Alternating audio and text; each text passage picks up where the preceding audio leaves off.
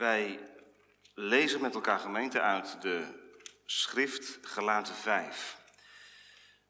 Galaten 5 staat centraal vanmorgen en dan ook in de komende middagdiensten, als ik zelf ook voor te gaan. We lezen dit hele hoofdstuk. Het eerste gedeelte van de gelaten brief behandelt het thema rechtvaardiging door het geloof en het eindigt bij de heiliging van het leven. En in de brief aan de Galaten zie je die twee kernen van christelijk beleiden dicht tegen elkaar liggen. Rechtvaardiging kan niet zonder heiliging en er is geen heiliging zonder rechtvaardiging. Galaten 5. Sta dan vast in de vrijheid waarmee Christus ons vrijgemaakt heeft en laat u niet weer met een juk van slavernij belasten. Zie, ik, Paulus, zeg u dat als u zich laat besnijden, Christus u van geen nut zal zijn. En nogmaals betuig ik aan ieder mens die zich laat besnijden dat hij verplicht is de hele wet te onderhouden. U bent van Christus losgeraakt, u die door de wet gerechtvaardigd wilt worden, en daarmee bent u uit de genade gevallen. Want wij verwachten door de geest uit het geloof de gerechtigheid waarop wij hopen. In Christus Jezus heeft namelijk niet het besneden zijn enige kracht en ook niet het onbesneden zijn, maar het geloof dat door de liefde werkzaam is. U liep zo goed. Wie heeft u verhinderd de waarheid te blijven gehoorzamen? Deze overreding is niet afkomstig van hem die u roept. Een beetje zuurdeeg doorzuurt het hele deeg. Ik vertrouw van u in de Heere dat u niet anders gezind zult zijn, maar hij die u in verwarring brengt zal het oordeel dragen, wie hij ook is. Maar ik, broeders, als ik nog de besnijdenis verkondig, waarom word ik dan nog vervolgd? Dan is immers het struikelblok van het kruiste niet gedaan. Lieten zij die u opruien zich maar afsnijden. Want u bent tot vrijheid geroepen, broeders. Alleen niet tot die vrijheid die aanleiding geeft aan het vlees. Maar dien elkaar door de liefde. Want de hele wet wordt in één woord vervuld, namelijk hierin: U zult uw naaste lief hebben als uzelf. Maar als u elkaar bijt en verslindt, pas dan op dat u niet door elkaar verteerd wordt. Maar ik zeg, wandel door de geest en u zult zeker de begeerte van het vlees niet volbrengen. Want het vlees begeert tegen de geest in en de geest tegen het vlees in. En die staan tegenover elkaar, zodat u niet doet wat u zou willen. Als u echter door de geest geleid wordt, bent u niet onder de wet. Het is bekend wat de werken van het vlees zijn, namelijk overspel, hoererij, onreinheid, losbandigheid, afgoderij, toverij, vijandschappen, ruzie, afgunst, woedeuitbarstingen, egoïsme, oneenigheid, afwijking in de leer, jaloersheid, moord, dronkenschap, zwelgpartijen en dergelijke, waarvan ik u voor zeg, zoals ik ook al eerder gezegd heb, dat wie zulke dingen doen, het koninkrijk van God niet zullen beërven. De vrucht van de geest is echter liefde, blijdschap, vrede, geduld, vriendelijkheid, goedheid, geloof, zachtmoedigheid, zelfbeheersing. Daartegen richt de wet zich niet.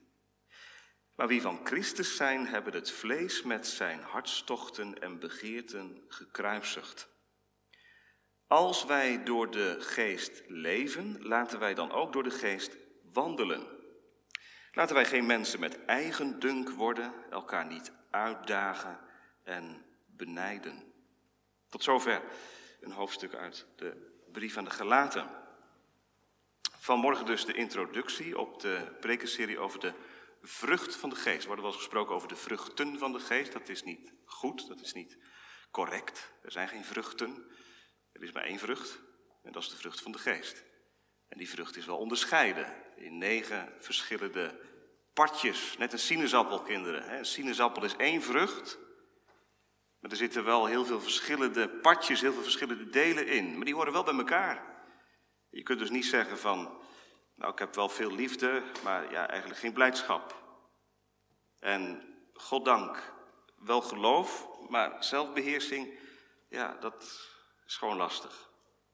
Het is het een of het ander. Het is de werken van het vlees of de vrucht van de geest.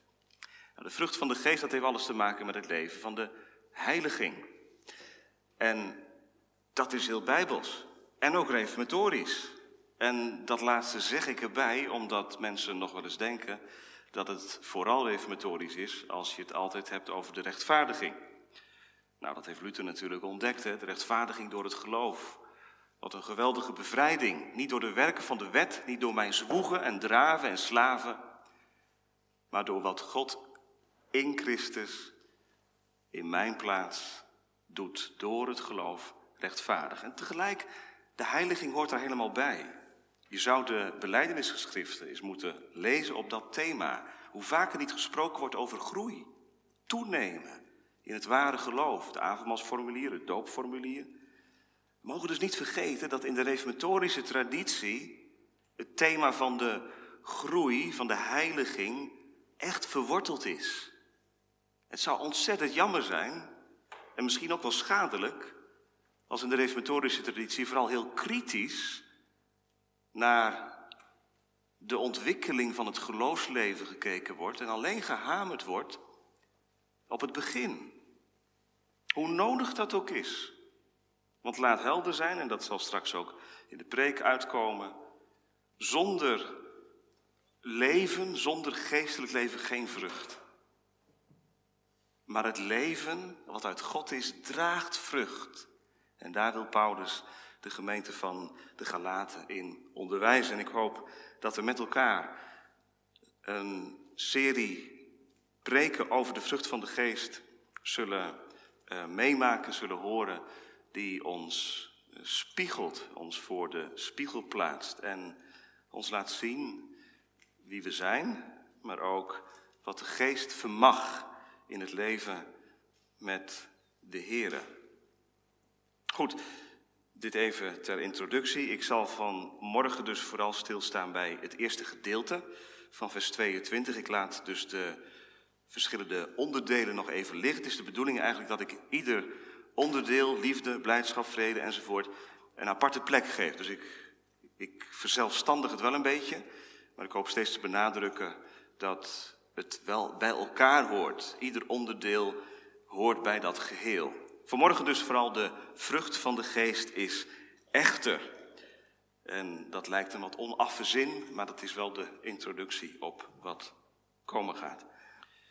We zingen straks naar de preek uit de avondzang, het eerste, vijfde en zevende vers.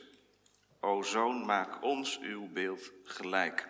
De avondzang, vers 1, 5 en 7. Straks naar de preek. Gemeente, hier en thuis, wat is het verschil tussen een stapel stenen en een tuin waarin van alles groeit? Nou ja, die stapel stenen, die zijn daar neergelegd door iemand en misschien heb je er wel iets van gemaakt, een gebouw of zo, hè?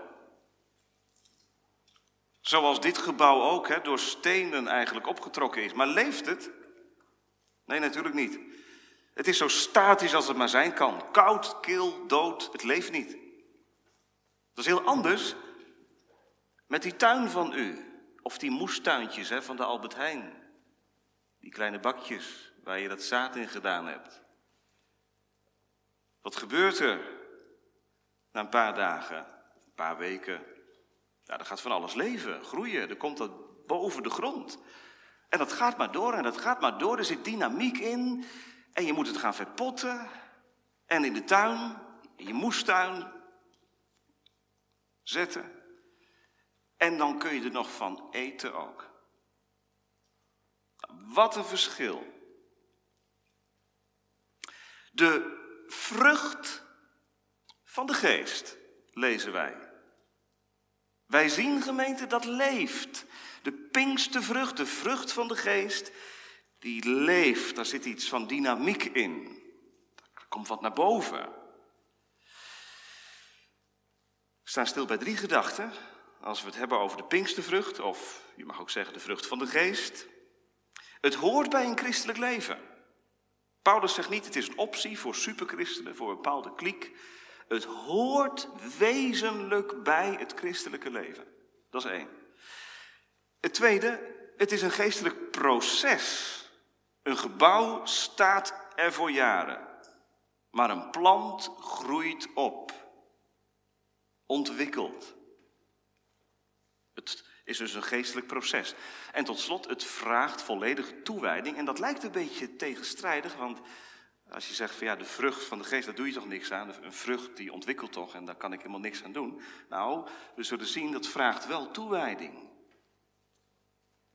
En dat betekent dat we de context van dit gedeelte dus ook moeten raadplegen om vers 22 goed te begrijpen.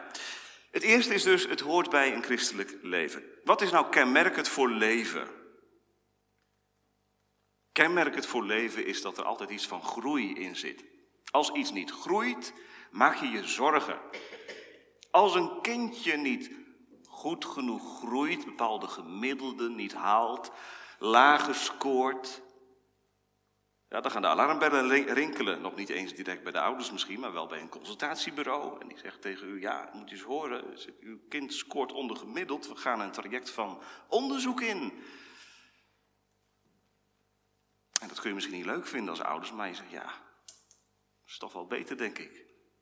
Ja, stel dat het, hè, dat het helemaal niet goed is, dat er iets aan de hand is. Dus groeiachterstand, zorgelijk. En als er nou helemaal geen groei is, ja, dan moet je helemaal zorgen maken, want dan moet je afvragen of er wel iets van leven is. De Jezus heeft eens gezegd, aan de vruchten ken je de boom. En daarmee bedoelde hij, wil je nou weten of de boom leeft, kijk dan wat er aan die boom te vinden is. Zo gaat het toch vandaag de dag, in deze lentetijd. Als alles weer uitbot in de tuin. En die maakt een rondje door de tuin. En die staat bij die boom stil en bij die boom. En u zegt, kijk. Ze komen weer uit. Of, hé, hey, die vorst van de afgelopen winter was zo streng. Er komt niks meer naar boven. Er is een struik dood gegaan. Nou ja, goed, van een struik zeg je dan hup eruit en een andere erin. Maar dat is natuurlijk in het licht van, van de Bijbel wel heel zorgelijk. Hè? Als er geen leven is, als er geen groei is, geen geestelijke groei is, is dat eigenlijk hetzelfde als er is geen, geen leven. Gemeente, het Nieuwe Testament, Paulus, deze brief aan de Gelaten, ziet geestelijke groei als wezenlijk. Het hoort erbij. Er zijn mensen die zeggen, het christelijke leven bestaat uit weten of je dood in zonde en misdaden bent of levend gemaakt bent met Christus. Als je dat weet, is het goed en dan blijft het ook goed. Dus je moet weten of je in het goede vakje staat. Ben je nog dood in zonde en misdaden, dan is het niet goed. Als je levend gemaakt bent met Christus, dan is het goed. Wat vindt u daarvan? U zegt, ja, daar gaat het wel over. Nou en of. Daar gaat het wel over, ja. Het gaat over dood en leven. Het gaat over hel of hemel. Het gaat over buiten Christus of in Christus. Maar dat is geen status quo, gemeente. En zo wordt er nog wel eens tegen aangekeken. Als je dood bent in zonde en misdaden, ja goed, dan ben je eigenlijk net een, een gebouw. Hè? Dood, leeft niets. Ja, wacht even. Als je buiten Christus bent, ontwikkel je wel, maar wel de verkeerde kant op. De werken van het vlees hebben dan de overhand. Die domineren. Egoïsme, afgunst, vijandschappen. Die dingen die Paulus noemt in vers 19 tot en met 21. Dat geeft je de ruimte. En soms spreekt je geweten misschien. Maar dat is dan ook alles. Dus dat is al even een correctie, gemeente.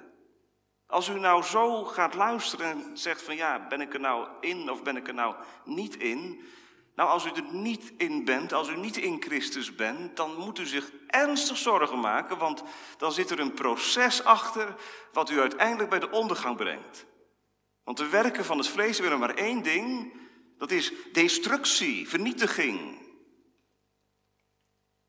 En daartegenover zet Paulus de vrucht van de geest. En de vrucht van de geest wil geen vernietiging, maar bloei, open bloeien. En dat is heerlijk, dat is goed. Dat is nodig.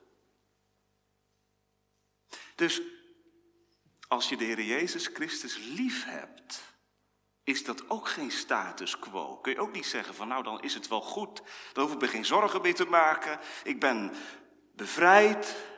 Nee, zegt Paulus, dan zal de vrucht van de geest moeten ontwikkelen. Groei hoort erbij. En als u niet groeit in het geestelijk leven, moet u zich ook zorgen maken. Als we erachter komen, gemeente, door deze prekenserie, dat we al jarenlang op een bepaald geestelijk niveau leven, dan is dat zorgelijk. Dan kun je niet zeggen, nou ja, zo is het nou eenmaal. Want ja, en christen, het is vlees en geest en het, het wordt nooit meer dan. En het zal altijd weinig blijven. Nou, dan heb je niet alleen de Bijbel, maar ook de reformatorische beleidenis heel erg tegen. Rond de avondmaalsdiensten bidden we dat ook, hè, dat we, nu we dus nu we brood en wijn tot ons genomen hebben, geef dat we dagelijks mogen toenemen. Hebt u zo wel eens dat zinnetje gewogen? Dagelijks toenemen in het ware geloof.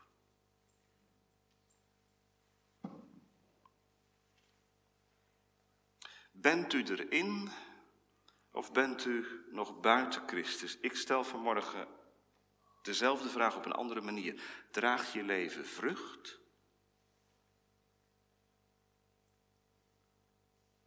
En zo ja, wat voor vrucht? Zijn het de giftige vruchten van de giftige werken van het vlees? Of is het de vrucht van de geest? Die vraag die wordt ingegeven door de tekst, de vrucht van de geest, is. Paulus schrijft over de vrucht van de geest richting deze gemeente, de gemeente van de Galaten. En dat zijn mensen die in de vrijheid staan. Hoofdstuk 5, vers 1. Sta dan vast in de vrijheid waarmee Christus ons vrijgemaakt heeft. Dat is hun status. Dat is hun positie. Maar er is een gevaar er is iets ingeslopen in die gemeente. En dat is dat ze weer terugvallen in slavernij. Ze zijn verlost van de vloek van de wet, maar ze vallen weer terug in een wettisch dienstbaar leven. U bent van Christus losgeraakt, zegt Paulus in vers 4. U die door de wet gerechtvaardigd wilt worden en daarmee bent u uit de genade gevallen. Het kan blijkbaar, hè? Dat je als kind van God weer terugvalt in een leven van werken van verdienen, een verdienmodel. Als ik nou dit, dan zal God wel dat doen. Dat heb ik jullie niet geleerd, zegt Paulus. De wet maakt je niet beter. De wet laat alleen maar zien hoe slecht en hoe ellendig je eraan toe bent. De wet van God is een scan die laat zien dit mankeert er nog aan. De wet helpt je nooit verder. De wet helpt wel in het lijden tot Christus, zegt Paulus. De wet is wel pedagogisch bedoeld als de wet je scant en laat zien. Dit mankeert eraan is er maar één remedie en dat is naar Christus toe. De wet als tuchtmeester, als pedagoog tot Christus. Vergeet het niet dat je bij Hem moet zijn. En dat is, zegt Paulus, wat de Heilige Geest je wil leren. De Heilige Geest leert niet dat de wet vrijmaakt, maar dat Christus vrijmaakt. En dat waren ze vergeten. Dat is de vergeetachtigheid die in de christelijke gemeente van de Galaten beslag had genomen. En ook zomaar in de gemeente van Apeldoorn of in welke gemeente dan ook invloed kan krijgen. En vandaar dat Paulus in hoofdstuk 5 heel nadrukkelijk eindigt met de vrucht van de geest. Wat is dat nou? Ja, de vrucht van de geestgemeente, dat maakt Pinksteren heel concreet. Misschien vindt u het moeilijk om een voorstelling te maken van wat Pinksteren inhoudt. Nou, dit is de concretisering van Pinksteren. Het brengt iets voort. Vrucht. Groei. En dat hoort dus blijkbaar bij het leven met de Heer. Hoe weet je dat dan? Of je christelijk leven ook groeit, of er progressie in is. Kun je dat meten? Ja. Dat kun je wel meten, denk ik. En stel nou voor, je zit op muziekles. En uh, pianoles, ik noem maar iets. en je studeert lessen in. En het wordt al lastiger en al ingewikkelder natuurlijk. Het niveau, dat wordt hoger en hoger. En iedere dag zit je te zwoegen achter dat notenschrift en te oefenen. En iedere week komt je leraar en die luistert ernaar. En die zegt, nou dit kan nog beter en dat kan nog beter. En soms denk je, mensen, mensen. Wordt het ooit wat? En dan komt je oom op bezoek. En die zegt, joh, speel eens een stukje. En je gaat achter de piano zitten. En je speelt een stuk waar je mee bezig bent. En je oom luistert en die zegt, nou, ik was hier vorig jaar ook en toen was je nog bezig in, in dat boek. En, en nu ben je al bezig met een prelude van Bach. Ik zie wel dat je ontwikkelt. Er zit groei in. Dat zien anderen scherper dan jezelf. Zo is het ook geestelijk. Er gaat wat veranderen als je als zondaar tot Christus de toevlucht neemt en je Hem omhelst door het geloof. Dat blijft niet verborgen. Hoezo niet? Is dat geloof dan zo krachtig? Nee. Petrus zegt ergens dat je bent wedergeboren niet uit vergankelijk zaad, maar uit onvergankelijk zaad. Het woord en de Heilige Geest, die zijn naar binnen gekomen. Die hebben beschikking gekregen over je. Die woont nu in je. En dat maakt dat er iets openbloeit, groeit, vrucht. Hoe is het mogelijk? Want dat is echt een wonder. Net zo'n groot wonder als dat in Duitsland, in Hannover, er een begraafplaats is. Er ligt een hele grote grafsteen. En uh, op die grafsteen staat: Dit graf zal nooit meer geopend worden. Maar wat gebeurde er? Per ongeluk was er een, een eikel in dat graf gevallen. En die eikel is gaan ontwikkelen, is gaan groeien. En die groeide zo krachtig en zo door, dat hij door die grafsteen heen gekomen is, gespleten is en uiteindelijk is er een hele eik gegroeid. Als je op internet dat intikt kun je dat, dat plaatje wel vinden van, van die grafsteen. Dus een enorme grafsteen, nooit meer te openen. En die hele kleine eikel die zorgde ervoor dat er een enorme boom door die, door die, door die grafsteen heen kwam. Het is toch gelukt. Zo sterk is botanische groei. Zo sterk is de groei van planten. Het gaat door alles heen. Nou, als botanische groei al zo'n kracht heeft, wat dan te denken van de Heilige Geest? Onderschat gemeente de Heilige Geest niet. We overschatten vaak onszelf en we onderschatten de Heilige Geest. Want als die geest in je leven werkt, en er zitten hier ook mensen die dat weten, en die dat meegemaakt hebben, dan gaat er iets veranderen in je leven. Dan gaat er iets gebeuren in je leven en dat je nooit voor mogelijk gehouden. Dat is de geest. Die zorgt voor geloof, voor zicht op Christus. Ja, en als het zicht op Christus er is, dan gaat de vrucht van de geest ontwikkelen. Vraag het eens aan je man. Of van je vrouw, zomaar eens op een avond. We zijn nou tien jaar getrouwd, we zijn nou vijftien jaar getrouwd. Zie je nou ook ontwikkeling? Wat is er nou veranderd in mijn omgang met jou? Zou je vrouw het kunnen zeggen van je?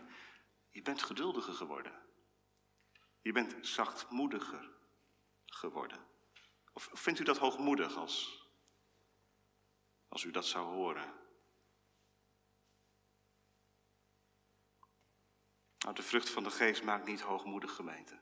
Gaven van de geest kunnen hoogmoedig maken. Als je een charisma hebt en bepaalde gaven hebt waardoor je eh, boven het maaiveld uitsteekt, dan kun je hoogmoedig van worden. Dat is heel gevaarlijk.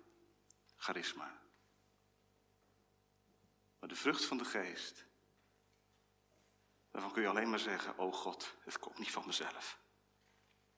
Dat geduld en die zachtmoedigheid, die haal ik niet uit mijn binnenzak. Dat komt bij u vandaan. Dat is de Heilige Geest. Ik ga een beetje lijken op de Heer Jezus Christus. Dat is het verlangen, het verlangen geworden waar de Heilige Geest je verbindt aan Christus. Ik ga lijken op Hem. Want als je nou die negen onderdelen van de vrucht van de geest bekijkt, en we zullen ze dus in de komende tijd allemaal gaan behandelen. Gemeente, waar zie je nou al die negen onderdelen totaal en volkomen naar voren komen? Dat is toch maar in één persoon. Dat is in Christus. In Hem zie je de liefde en de blijdschap, vrede, geduld, vriendelijkheid, goedheid, geloof, zachtmoedigheid, zelfbeheersing. Totaal aanwezig. Geen werken van het vlees die dat verstoren. Enkel vrucht van de geest. U zegt, ja, dat kan ook niet anders. Want Heer Jezus was volmaakt. Hij had geen zonde. Hij werd er wel toe verleid, maar hij bleef staande, inderdaad. En de vrucht van de geest is dus dat dat leven wat in Christus is, hier in beginsel zichtbaar wordt in kinderen van God. Die worden niet wat met hun bekering, maar die gaan de vrucht van de geest voortbrengen. Daar vind je vreugde in. Nou, het hoort dus bij het christelijke leven. En de kerkdienst is een plek waar de Heilige Geest in onze harten wil werken om die vrucht van de geest te stimuleren. Dat kan op heel veel manieren. Ik geloof dat de kerkdienst, de samenkomst van de gemeente en ook de opening van het woord, heel persoonlijk, dat zijn de middelen. Ik hoop er straks nog wel iets over te zeggen om die vrucht van de geest te laten um, rijpen, ontwikkelen. Nu tweede.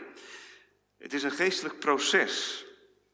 Ja, het woord zegt het al, de vrucht van de geest. Het is geen vrucht die ik voortbreng. Jezus zegt in Johannes 15 tegen zijn discipelen, uw vrucht worden uit mij gevonden.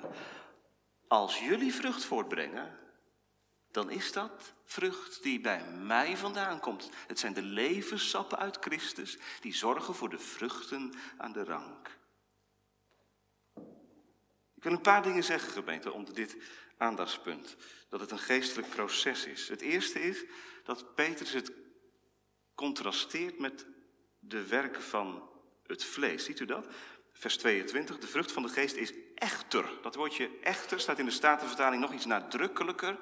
Maar de vrucht van de geest. Dus we moeten het echt lezen tegen de achtergrond van de werken van het vlees. Niet omdat het bij elkaar hoort, in tegendeel, maar omdat het een contrast is wat Paulus wil oproepen. En wat is dan het contrast? Nou, werken, vrucht. Werken, dat zijn er heel veel. Het zijn er 16. Eh, Vrucht. Geen negen dus, maar één. Eén en zestien. Waarom zou dat zo zijn? Vrucht ziet op eenheid, op heelheid. Wat doet de Heilige Geest? Hij maakt je een heel mens. Dat wil Hij. Zoals je geboren bent en zoals je ontwikkelt, kun je zomaar een mens worden die in compartimenten verdeeld raakt. Dat begint al bij kinderen. We houden dingen achter. We gaan niet alles meer zeggen tegen onze vader en moeder. We gaan stiekem doen, dat hoef je je kinderen niet te leren, dat zit erin. En als we doorontwikkelen en volwassen worden, ja, dan zijn we natuurlijk veel politieker en geslepener om dat te doen. Maar bij hoeveel mensen komt het niet voor, gemeente? En, en laten we naar ons eigen leven kijken. Is zoals je publiek je opstelt, je publiek presenteert, is dat in overeenstemming met hoe je privé bent? is zoals je je op reis gedraagt in het buitenland, ver weg van iedereen die je kent. Precies hetzelfde als zoals je bent in de buurt waar iedereen je kent. Is zoals je bij je niet-christelijke vrienden bent. Is dat precies het vrienden bent? Ga het eens na. Gewoon in je eigen leven. Wat, wat merk je dan? Heel snel wordt je leven gedeeld. Allemaal vakjes. Dan ben je zo, dan ben je zo, dan ben je zo. Bij de een is dat ook veel nadrukkelijker aanwezig dan bij de ander. Wat loopt het allemaal door elkaar heen? wat gebeurt er nou? Als de vrucht van de geest gaat rijpen. Nou, de vrucht, dat is één. God werkt aan op heelheid. Je, je gaat last krijgen, dat is de ontdekking van de Heilige Geest. Je gaat last krijgen van dat gedeelde leven. Dat je publiek je anders voordoet dan je privé bent. En dat je onderdelen hebt in je leven waar niemand van mag weten. Dat hou je helemaal voor jezelf, dat scherm je af. En andere delen, dan mogen andere mensen zien. De vrucht is heel. Dat is het eerste. En genade maakt je ook heel. Ik zou ook zeggen, maakt je ook een mooie mens. Want de werken van het vlees is afschuwelijk. Maar de vrucht van de geest is aangenaam. Het tweede, Paulus heeft het hier niet over de gaven van de geest. Ik heb het al een keer genoemd. Van gaven kun je hoogmoedig worden. En van gaven kun je zeggen dat niet iedere christen bepaalde gaven heeft.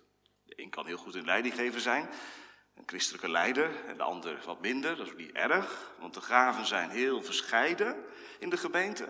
Lees 1 Korinthe 12. Maar de vrucht van de geest, die geldt nou ieder christen. Of die nou een leidinggevende taak heeft, of niet. Of hij nou heel belangrijk is en erg gezien, of meer op de achtergrond leeft. Of je nou een frisse dertiger bent, of een inmiddels bedaagde grijzaard. Vrucht van de geest geldt voor ieder christen die levend gemaakt is met Christus. Dat maakt ook gemeente dat er eigenlijk geen rangorde meer is. Hè? Wij kijken wel vaak zo tegen christenen aan. Hè? Wij, gaan toch wel vaak heel, heel erg indelen. Die heeft meer dan dit en die, die heeft meer dan die ander. En bij hem ontdek ik meer daarvan. Maar de vrucht van de geest trekt het gelijk. Ieder christen ontwikkelt als het goed is de vrucht van de geest. En dat maakt je gelijk met een andere christen. Dan nog iets wat opvalt. Paulus heeft het over de werken van het vlees, maar niet over de werken van de geest. En ook niet over het onkruid, of het, het onkruid van het vlees. Dat is ook opvallend, hè? Het gaat niet over het onkruid van het vlees en de vrucht van de geest. Hoe komt dat? Nou, Paulus wil het contrast oproepen. De werken van het vlees, die breng je zelf voort. Daar ben jij actief bij betrokken. Jij doet dat. Je kunt zeggen, ja, het is de zonde die in mij woont, maar je bent er zelf wel bij betrokken. Je brengt ze voort. Maar de vrucht van de geestgemeente, die breng ik niet voort. Die produceer ik niet. Dat doet de Heilige Geest in mij en door mij. Dat is ook alweer ontspannend, hè? Het christelijk leven is niet op je tenen lopen om te proberen liefdevol te zijn en, en blij te zijn en geduldig te zijn en vriendelijk te zijn. Paulus zegt het is een vrucht van de geest. Het is geen prestatie. Het is gratie, genade. Je doet niet iets terug omdat de Heer Jezus zoveel voor jou heeft gedaan. Dat is niet de vrucht van de geest. De vrucht van de geest is, blijf in mij en ik in u. En u zult veel vrucht voortbrengen. Dat gebeurt. De sapstroom die gaat door de ranken heen en, en zet zich tot een vrucht. Dat contrast, gemeente, dat moeten we blijvend in het oog houden, ook tijdens die prekenserie die nu komen gaat. Want juist in de contrastwerking ontdek je ook wat het christelijke leven inhoudt. En als je nou van genade leeft, hè, dan herken je al die, die, herken je deze twee werkelijkheden. De werken van het vlees, ja, die broeien van binnen. En die komen er soms ook nog uit. En de vrucht van de geest, dat is iets wat de Heilige Geest produceert. Wat kan het een ontzettende strijd met zich meebrengen? Want het is niet zo dat de vrucht van de geest in het leven van de christen aanwezig is, en de werken van het vlees verdwenen zijn. Was het maar zo. Integendeel, ik denk hè, dat als de vrucht van de geest ontwikkelt in het leven van een christen, je juist meer oog krijgt voor de werken van het vlees. Nooit ontdek je dieper je zonde en je tekort dan wanneer de Heilige Geest binnen is gekomen en je verbonden heeft met Christus. Door de Geest leer ik zien wie ik echt ben. Als mijn hart de werkplaats is van de Heilige Geest, komt er van alles openbaar. Misschien kent u het boek van John Bunyan, de Heilige Oorlog. En op een zeker moment schetst hij duiveltjes, diabolisten noemt hij ze. Duiveltjes in stad mensziel. Ze zijn niet buiten de stad, ze zijn in de stad. En ze komen uit het riool en ze kruipen geniepig naar boven om hun vernietigende werk in stad mensziel te doen. En overal komen ze vandaan. Van die vervelende, nare neigingen. Heb je er ook zo'n last van? Hopelijk wel. Want, de wie de werken van het vlees laat voortgroeien, onaangeroerd laat, die zal het koninkrijk van God niet beërven. Vers 21. Wie zulke dingen doen, die zullen het koninkrijk van God niet beërven. Wie dat maar laten gebeuren. En misschien zelfs wel onder de vrome dekmantel van ja, Zo ben ik nu eenmaal. Die zal het koninkrijk van God niet beërven. Een scherpe waarschuwing gericht aan mensen die achter een gecamoufleerd leven de werken van het vlees koesteren en de vrucht van de geest blokkeren. Tot slot, gemeente, na dit gezegd te hebben, hoe functioneert dan die vrucht van de geest? Als het geen werk is van mijzelf, kan ik er dan helemaal niets aan doen? Het laatste punt, het vraagt volledige toewijding, de vrucht van de geest. Dat lijkt een beetje tegenstrijdig hè, als ik zeg dat de vrucht van de geest niet iets is wat ik voortbreng. Nou, misschien helpt het om nog even de tuin in te gaan. Dat hebt u ook al gedaan in deze lentetijd en u ziet van alles bovenkomen.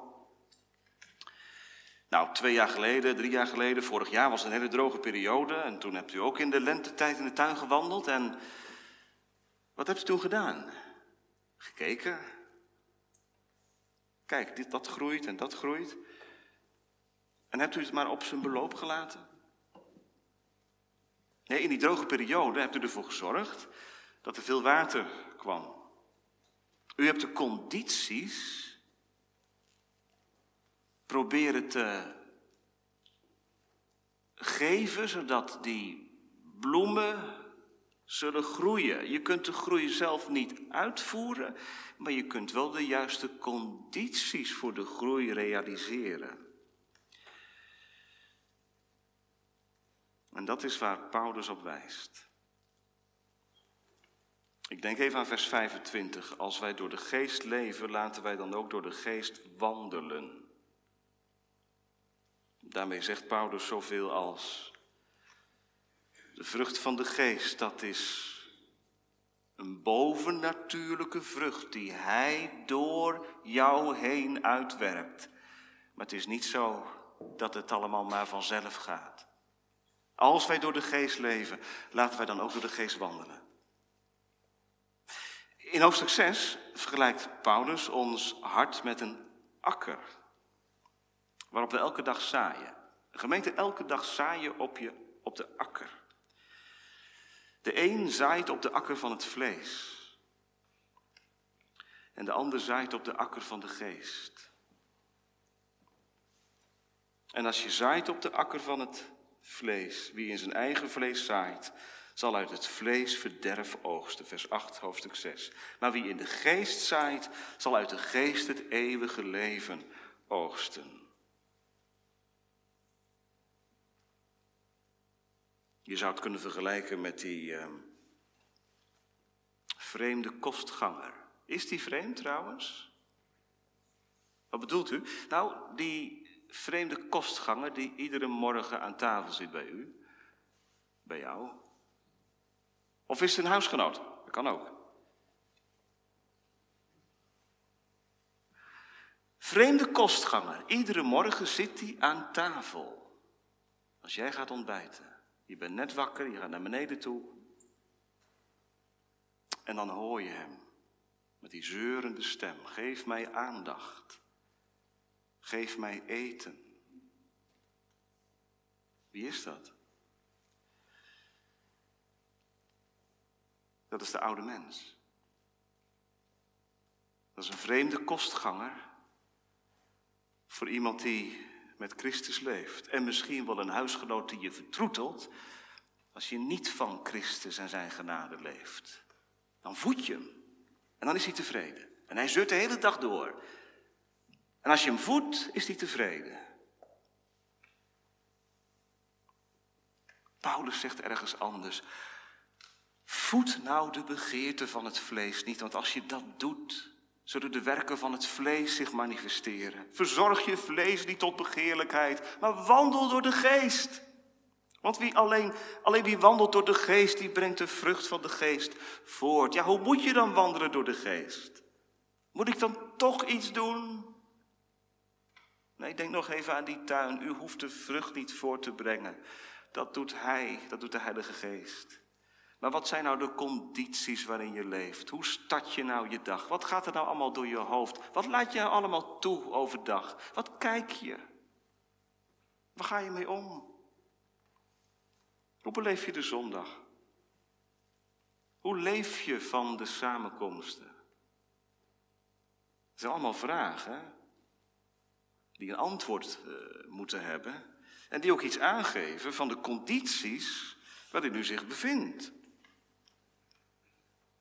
Sportmannen die gaan voor prestaties, die willen een wedstrijd winnen. En stel dat er een voetbalteam is en dat gaat een voetbalwedstrijd spelen. En die zegt, nou ja, het gaat om die wedstrijd. als de bal maar rondgespeeld wordt en we maken doelpunten, dan hebben we de wedstrijd gewonnen en dan zijn we er. Nee, sportmannen spannen zich in weken, maanden van tevoren. Een gezonde levensstijl. Ongezonde levenspatronen afzweren.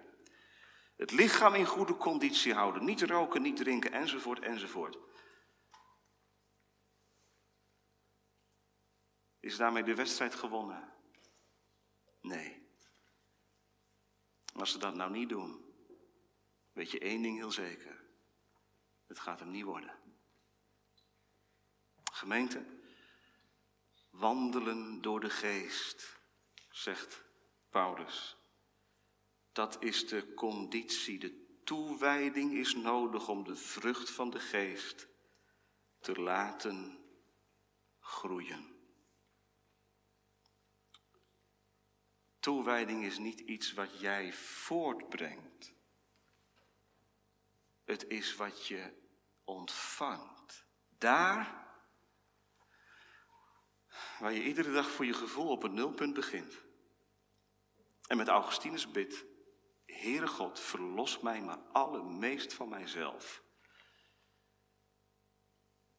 Want u bent voor mij, maar ik heb mezelf tegen.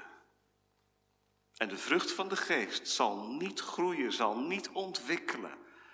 Als ik die oude mens maar laat. En maar laat groeien en maar laat doen.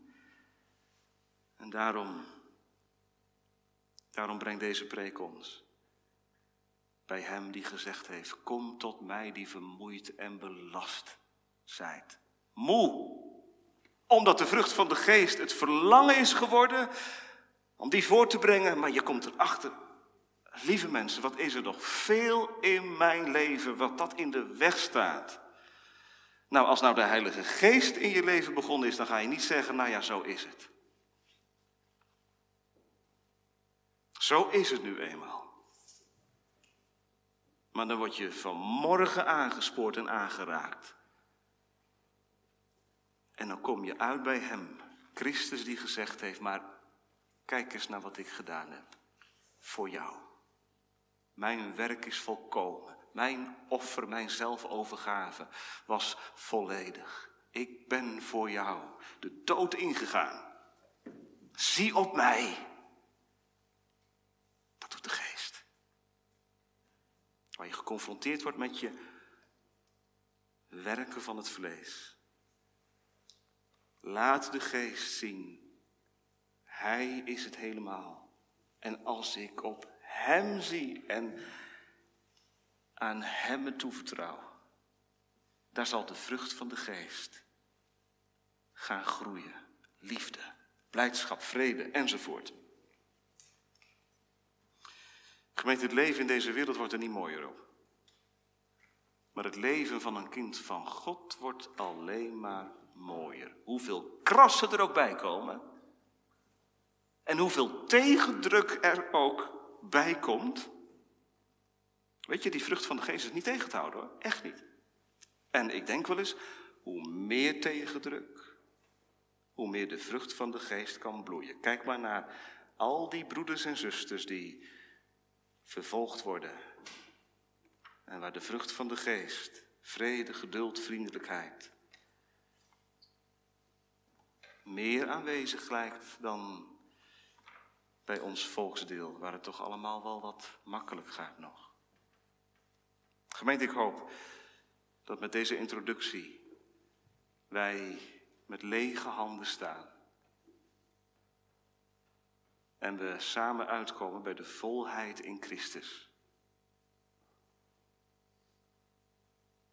En onderdeel van de volheid van Christus is dat de geest is uitgezonden om in uw leven, in jouw leven, de opening te bieden naar Christus toe en de wandel met Christus te laten plaatsvinden. Zijn naam ter eer. Dan bid je mee, o zoon, alstublieft, geef dat ik steeds meer op u mag lijken. Amen.